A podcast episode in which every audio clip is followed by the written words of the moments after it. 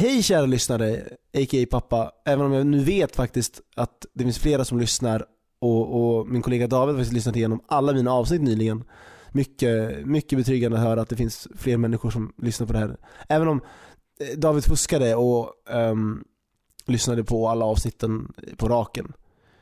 Ungefär som jag kollar på tv-serier med andra ord. Uh, och det kanske man ska göra.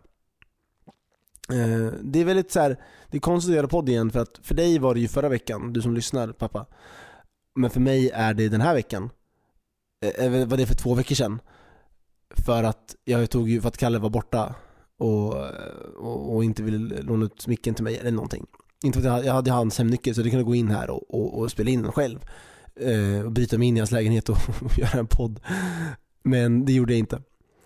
Ehm, men, men nu är jag tillbaka i alla fall, två veckor och jag hoppas att det här är som att köra bil eller cykla. Att, att det spelar ingen roll hur lång, tid, hur lång tid jag har gjort det. det reglerna är samma och det sitter i muskelminnet. Ehm, uh, A.k.a. att jag, tack gud, jag är glappkäftad. Uh, jag vet inte riktigt vad jag ska prata om idag och jag har inte ens börjat ta tid för att se så att jag håller mig. Uh, det visar sig att eh, alla avsnitt jag spelat in hittills har eh, gått över tiden ganska, ganska rejält. Alltså här, någon minut här, hit och dit, men eh, och det är ju inte så mycket kanske. Men, men det är ändå så här, jag bryter ju mitt löfte om att hålla mig under 21 minuter. Även om det faktiskt visat sig att eh, snittresetiden i Stockholm, i Stockholm då är 40 minuter. Helt knäppt. Men i resten av Sverige så utgår jag från den är mindre. Men vi tänker mig att nu har jag babblat och nu ska jag ta en, eh, en, en snap så att eh, människor kan se att jag är eh, duktig. Eh, måste bygga mitt sociala varumärke. Men, nej fakta är, innan det så ska faktiskt eh, för en, första gången be om eh, lyssnartips. Eh, jag har massa ämnen att prata om men, men det var väldigt länge sedan jag skrev ner dem så jag är väldigt ledsen. Alla är inte så jävla roliga att prata om längre. De var, de var aktuella och vi vet ju alla att aktuella ämnen är fällan. Um, så, så det kommer jag inte prata om allihop. Men så då tänkte jag att nästa vecka eh, så är jag i Budapest med mina kollegor Samuel och David. Och då tänkte jag spela in en podd där faktiskt. Med den gamla goda eh, handmicken som jag hade i den första avsnitten. Eh, det kommer bli skitkul, men jag behöver saker att prata om. Det kan vara så att jag kommer prata med Samuel och David om saker. Och att de får vara med och, och vara antinarcissistfilter. Och det jag kommer behöva då av dig som lyssnar är tips på saker man kan prata om. Det kan vara current events, det kan vara inte det, det kan vara eh, bilar, jättebra ämne. Fråga gärna om bilar. Eh, och, och så. Och så jag gör jättegärna det. Eh, du hittar mig på, på Facebook, Daniel Ullis Elenius. Du är antagligen vän med mig, som sagt, eftersom du lyssnar på det här. Eh, men skicka in saker, jag kommer påminna i slutet av avsnittet. Nu kör vi jingeln.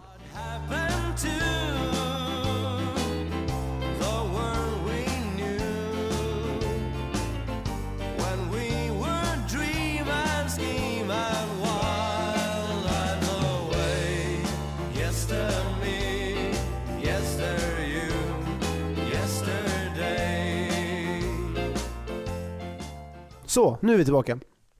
Och du trodde nu att jag under ingen valde ämne, eller hade ett planerat ämne. Nej, det vart inte. Uh, inte alls faktiskt. Uh, men jag tänkte på två saker som jag inte tror att jag har pratat om. Och det första är, är jag hade något current event också att prata om. Uh, precis, jag skulle gå in, jag skulle gå in i, i fällan igen. men vi gör inte det idag, utan Gud, jag hör på mig själv att jag verkligen borde förbereda det mer, by the way. Vi ska prata om skolan idag. Skolan är ett bra ämne för den, den, jag är arg på skolan. Väldigt, väldigt, väldigt arg. Och det jag är arg på är två saker egentligen. Två ganska strukturella saker. Eh, och det första är med den svenska skolan. Idag när det här spelas in, under 2016, så har skolan i några år varit privatiserad jag tror att det kommer, låta, det kommer låta helt sjukt när du lyssnar på det här. På samma sätt som det kommer låta helt sjukt att, att bilar en gång fick köras av människor. Knäppt liksom. Men, men skolan är idag privatiserad och det innebär att skolor i princip får välja sina egna elever. Vilket gör att om du bor i en rik ort, eh, till exempel Täby eller eh, jag vet inte vad det finns för rika orter i andra delar av Sverige. Djursholm, men det är också Stockholm. Vi kan inte bara ha Stockholm liksom. Eh, vi ser, vad sa du? Ja, om du bor i Adolfsberg eller om du bor i, vad heter det stället som är um, eh, Onsala utanför Göteborg, Göteborg, där är det bara rika människor. Vad heter det stället i Malmö? Rosengård? Det kanske heter Rosengård när, när någon lyssnar på det här, det vet vi inte. Eh, I alla fall, om du bor i ett rikt område där det bor andra rika människor och ni har en skola som, så kommer du att skicka dina barn till den närmsta skolan, vilket är den rika skolan där det bara går rika människor, vilket gör att dina barn kommer aldrig någonsin att få uppleva vad andra människor är för något. Till exempel eh, människor som kommer från andra länder eller inte har samma inkomst som du eller inte har egna hus. Eh, en, eh, en, en lärare, en kollega, en, en vän till mig som är lärare, jag på säga lärarkollega, eh, en vän till mig som är lärare fick en gång frågan, eh, han, jobbade i, han jobbade i Täby, fick en gång frågan från en, en sjuåring tror jag det var, jag har hört talas om en sån där lägenhet, bor du i en sån? Om det här inte är ett demokratiproblem, då vet jag inte vad som är det. Och Problemet blir också the reverse sen att om du bor i ett fattigt område så kommer du att umgås med andra fattiga människor. Eh, det ju, kan ju leda till kriminalitet och dåliga saker, vilket fattigdom ofta gör. Ehm, Henrik Schyffert pratade någon gång om att, om att eh, han gillade lumpen som koncept. För att i lumpen så eh, delades allt in i förband efter var du kom ifrån på väldigt stor regional, alltså väldigt stor geografisk skala. Så att eh, i Stockholm till exempel så kunde du hamna i samma förband som de från Täby och Stråker och alla andra rika ställen. Vilket gjorde att när du väl låg i diket och, och eh, någon låtsas sköt på dig så, låg, så kunde en kille från en förort eh, ligga i diket bredvid en person från, från Täby. Och, eh, och just att det var väl en demokratisk upplevelse. Eh, även om det är en mycket sämre demokratisk upplevelse för att du måste skjuta på andra människor och spränga andra människors saker än vad skolan är som, är en, en som ska vara en strikt eh, utbildande och framförallt eh, uppfostrande upplevelse. Och då är det ganska knasigt att du uppfostrar, får uppfostra människor eh, enligt klass och eh, inkomst, tycker jag. Det var nummer ett med skolan och det här kan bara, verkligen bara lösas på ett sätt egentligen och det är genom att antingen tvinga skolor att ta emot alla elever eller tvinga, inte låta folk välja skolor eller att se till att det finns en statlig skola eh, eller en kommunal skola som fyller, som fyller funktionen. Alltså så här, genom att ta bort privatiserade skolor helt enkelt. Side-note om privatisering för övrigt. Gud vad lätt det var att, in, att eh, privatisera skolor. Herre Jesus vad fort det gick när det väl hände. Och samma med att privatisera vården och allt annat. Men gud vad svårt det är att ta tillbaka det. Jag fattar inte det. Att, att vi inte har... Jag visste, jag fattar ett, ett kast parlamentariskt läge om, om de två största partierna i Sverige byter plats då och då och bara eh, så här, spenderar hela sin mandatperiod på att undoa allting som de andra har gjort. Vilket typ är det nu som händer. Um, det är ju trist. Uh, men anyways.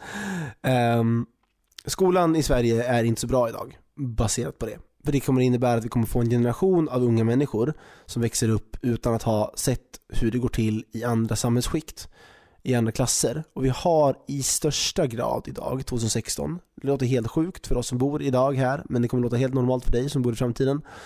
Vi har ett, ett väldigt, väldigt hårt eh, satt klassamhälle. Mycket hårdare, för, eller det är inte så hårt, det är inte ett feodalsamhälle. Men det är mycket, mycket hårdare än vad den allmänna uppfattningen är. Och det här är så, liksom många andra saker en, en PR och kommunikationsfråga. Jag har många saker att, att prata om när det gäller uppfattning, mm, hur människor uppfattar saker. Men, det, men det, min stora gripe är att det finns ett klassamhälle och det finns väldigt många saker som, som gör att det kommer bli väldigt shitty i framtiden för väldigt många människor. Men vi gör ingenting åt det för att det finns inte en allmän opinion om att det finns ett klassamhälle. Så. Och då kan man ju också ifrågasätta om klassamhället finns. Bla bla bla bla. Ja det gör det. Så nu har vi löst det. Det var nummer ett med skolan, att den är idag eh, uppdelad eh, enligt människors inkomst. Det är inte så bra. Nummer två om skolan är någonting som är, som är mycket, mycket bredare än så. Och det gäller hur den är upplagd. Det finns väldigt många, jättemycket media om det här och jag är inte insatt, inte så bra på det här ämnet. Det här är bara en, en, en observation jag har gjort. Och det är att i skolan så har du, så har du stadier och i de här stadierna så, så är det väldigt godtyckliga. Det är verkligen godtycklighetskungen. Godtycklighetskungen är en av mina favoritkaraktärer i världen. Det är, det är en liten kille som har på sig precis vad han vill. Och han åker runt i sin godtycklighetsmobil och viftar med en stav. Och när han viftar så blir det godtyckligt. Det finns liksom ingen logik eller något satt system bakom det här utan det är liksom det är godtycklighetskungen som har puff. Och skolan är väldigt, väldigt godtyckligt uppdelad i, i tre stadier som jag ser det. Eh, baserat på ålder då. Ingenting annat by the way, vilket också är jätteknasigt. Att, att for some reason så ska vi kvalificera människor för någonting baserat på deras ålder, vilket inte görs någon annan gång i en människas liv. Utan det görs bara, bara i skolan. I skolan är det enda stället jag kan komma på nu där du som 13-åring förväntas ha en viss nivå baserat på vad andra 13-åringar klarar av. Det är knäppt. Det, det är ganska, eller jag vet inte om det är knäppt, men jag, det låter weird. Jag får låta mig själv att inte bli för politisk. Eh, jag hoppas att det inte här blir för politiskt. Det är antagligen redan för politiskt. Men i alla fall. Du har tre kategorier av uppdelning. Du har kategori 1. Fan, du har två kategorier tror jag. Två, två kategorier. Nej, äh, eh, tre. Vi tar tre. Första kategorin är en ganska rimlig faktiskt. Det, är, det första du ska göra är lära dig eh, hantera verktygen. Du ska lära dig läsa och skriva, kort sagt. Det är liksom det första de flesta människor får göra i, i skolan. Du får lära dig läsa och skriva. Och, och prata rent, typ. Eh, när jag började i skolan så fick vi också börja läsa engelska ganska omgående. Eh, för att det var viktigt. Jag vet inte om man gör det fortfarande, antagligen. Um, och, och det är rimligt, du ska behöva kunna läsa och skriva för att klara av resten av skolan. Det är inte en orimlig eh, sak. Jag tycker också att man ska börja lära sig programmera samma dag som du kan lära dig läsa. Och jag tycker att sy och träslöjd kan ryka åt helskotta, rent ut sagt. Eh, jag fick mothugg på det i något sammanhang kring att eh, elever tycker att det är kul, eh, lärare måste ha saker att göra, ehm, det är viktigt att göra ett hantverk och få lära sig det och det är tråkigt med att vi har ett samhälle där ingen kan använda verktyg. Ja, men låt folk i så fall göra det på, som ett tillval på gymnasiet om du verkligen är intresserad av det. För det, jag fattar inte för mitt liv att vi har det i, i lägre delar av grundskolan. För det du behöver förstå idag, det du kommer behöva förstå om tio år framförallt, är hur den digitala tekniken, som nästan bara nu är mjukvarubaserad, väldigt lite hårdvarubaserad, hur den fungerar. Och vi kommer skapa en generation av människor som faktiskt är actual nu illiterate. Som, som, som inte kan läsa och skriva kod. Och de människorna kommer att titta på allting som att det är magiskt och bara förundras över hur allting funkar och vara eh, som mina föräldrar som, där mamma till exempel tror att tvn och datorn gör saker ibland. Nej Daniel, den, den ändrade på sig av sig själv. Antagligen inte alltså. Det är bilar startar inte av sig själva, eh, datorer klickar inte på saker av sig själva. Eh, det är liksom inte en, inte en del av, av, av det som, hur det funkar. Det är det jag är rädd för när det gäller programmering. Att, att, eh, det finns väldigt många saker som det här, jag vet inte om jag kan prata om det i det här avsnittet också. Uh, vi släpper programmeringsspåret just nu, men vi börjar i alla fall med att i, idag i skolan får alla lära sig verktygen. Jävlar vilken derail det där blev. Idag får alla lära sig verktygen för vad som händer, mycket rimligt bra. Sen däremot, så ska alla lära sig ett, ett godtyckligt antal fakta där inte bara antalet utan också vilka fakta det är och eh, deras relevans. Eh, och det här är också väldigt, det här är däremot väldigt politiskt hårt styrt. För till exempel eh, 1917 fick jag lära mig i, för några veckor sedan i läroböckerna idag omskrivs som Ehm, att, det var en, att det rådde en stor eh, obalans mellan produktion och eh, mellan åsikterna om produktion och eh, tillgång, typ. När det egentligen var den största perioden av political unrest vi haft i Sverige eh, någonsin, tror jag. Ett av de största eh, arbetarrörelserna någonsin i Sverige. Um, men, men vi ska i alla fall, när du, när du kommer, kommit förbi lära sig läsa, skriva stadiet i skolan, då ska du lära dig kungar, sjöar, åar, städer, befolkningar, växter, djur, eh, bilmärken, Coca-Cola-smaker, ja, sådana saker liksom. Helt godtyckligt verkligen. Eh, sen får man lära sig lite vettiga saker också, hur vissa system fungerar, eh, lite historia, eh, också godtycklig by the way. Ehm, det är väldigt, väldigt eh, så här. Jag förstår eh, syntaxen på historieundervisningen, och, men det känns konstigt att lämna ut det så här, det finns garanterat saker som inte borde vara med i historieundervisningen som är med och tvärtom. Men, och det är för att det är godtyckligt. Det, det, det finns ingen som någonsin har satt sig ner och, och kollat på vad människor behöver om, om 50 år, 40, 20 eller 50 år. Um, och, och det här är liksom bara de humanitära ämnena. Sen har vi, vi ska inte ens gå in på de naturvetenskapliga ämnena som jag var ganska dålig på. Men vår generations biggest lie är ju du kommer lär dig hur den här miniräknaren fungerar. Du kommer, inte, du kommer inte ha en miniräknare i fickan hela tiden om två år. Ha! Lisbeth var min mattelärare. Jo, jo det kommer jag. Det är exakt vad jag kommer ha Jag har en grafräknare, jag har, jag har literally allting. Jag har ingen användning för det. Um, för att i, det har nog inte de flesta matte, men alla har en miniräknare i fickan. Som dessutom inte var Nej, jag ska inte deraila på eh, att vi behövde köpa miniräknare ett visst företag för att som inte skolan kunde tillhandahålla. Här har vi alltså gymnasiet, så här, perioden mellan, vad kan det vara, typ så här, trean och att du klarar med gymnasiet är verkligen bara helt godtyckligt vad du lär dig. Eh, du ska lära dig Karl XII, eh, men du ska inte lära dig Gustav III, ja, förutom att han sköts. Du ska inte lära dig, ja, jag lovar dig, du som lyssnar på det här, att du har extremt mycket så här, tankar om det här också. Att det finns händelser som skits i ibland. Eh, det finns händelser som ibland inte skits i, eh, som borde skitas i, och så håller det på så. Och det är eh, steg två i skolan. Sen kommer min favorit, steg tre. För i steg tre så ska nämligen, och by the way, um, vi är alltså helt med allihop på att steg ett och två är liksom helt rimligt för alla människor i hela västvärlden. Det, det här skiljer sig väldigt, väldigt lite över västvärlden, hur det fungerar. Och sen har vi steg tre som också skiljer sig väldigt, väldigt, väldigt lite. För då ska du nämligen utifrån godtyckliga parametrar välja ett program eller en, en, en inriktning där ämnena ibland inte har någonting med varandra att göra. På, på LiU hade vi en utbildning som hette industriell ekonomi som var, den var skräddarsydd för att funka för de, vad det är de företagen som låg närmast till hands behövde förstod jag det som. Det fanns lite marknad, du kunde välja inriktning liksom marknadsföring och bla bla bla men du fick lära dig eh, de vanliga alltså så produktionstekniska termerna, hållfastheten, du fick lära dig fysiken, du fick lära dig eh, materiallära, lite sådana saker liksom. Och så fick du också lära dig att eh, räkna på investeringskalkyler och hej och hå. Hoppsan hejsan. Och det är ju en rimlig utbildning. Här har ju godtycklighetskungen fått, fått sparken. Han här har nu blivit avsatt av en arg pöbel. Här har de ju kollat på vad, sen att det är som vanligt eh, godtyckligt eh, i någon mån. Eh, vad, vad, för det är godtyckligt vilka företag de kollar på, men de har kollat på en bransch eller en sektor och bara sagt det här, de här sakerna tror jag att eh, folk behöver, behöver lära sig för att eh, eh kunna hantera det här yrket i, som de här företagen behöver. Och det är ju ändå någonting, då har du i alla fall gjort ett val. Eh, medie och kommunikationsvetenskap, som jag gick, var eh, av 90 poäng totalt så var det 15 som handlade om sociala medier och så här, 30 som handlade om radio och, och liksom den typen av sändningar och, och, alltså, och gammal media och, och sådana grejer liksom.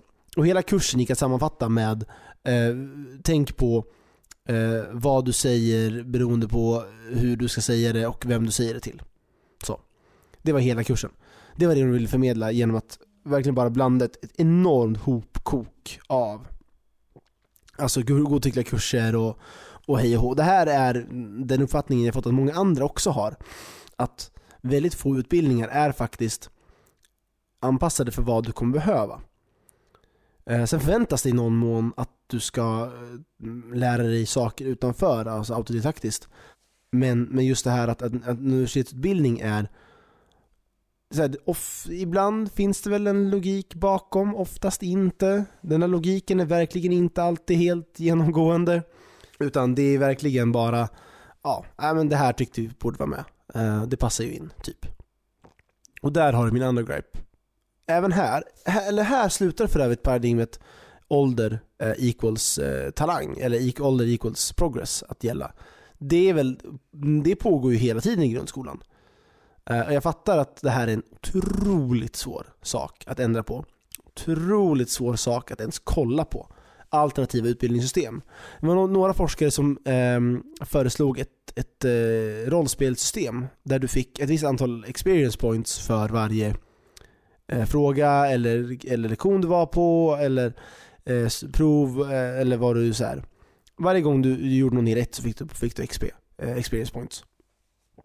Och sen så när du visste antalet experience points, då gick du upp en level och eh, du, hade, du samlade levels. Eh, alltså inte så att jag samlade levels utan så att människor, så att du hade eh, de som var level 2, de fick sitta i en grupp. Och level 1 fick sitta i en annan grupp.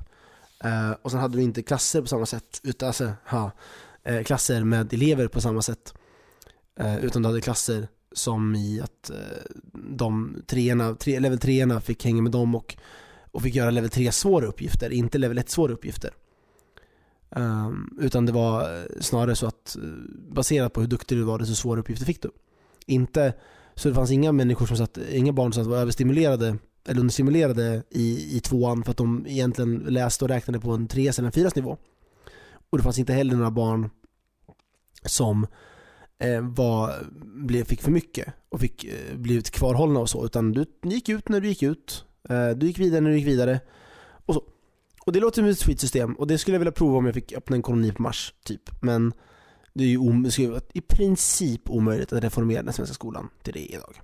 Nu är jag klar med en skola. Angående programmering så pratade jag med min vän Samuel för några alltså typ år sedan.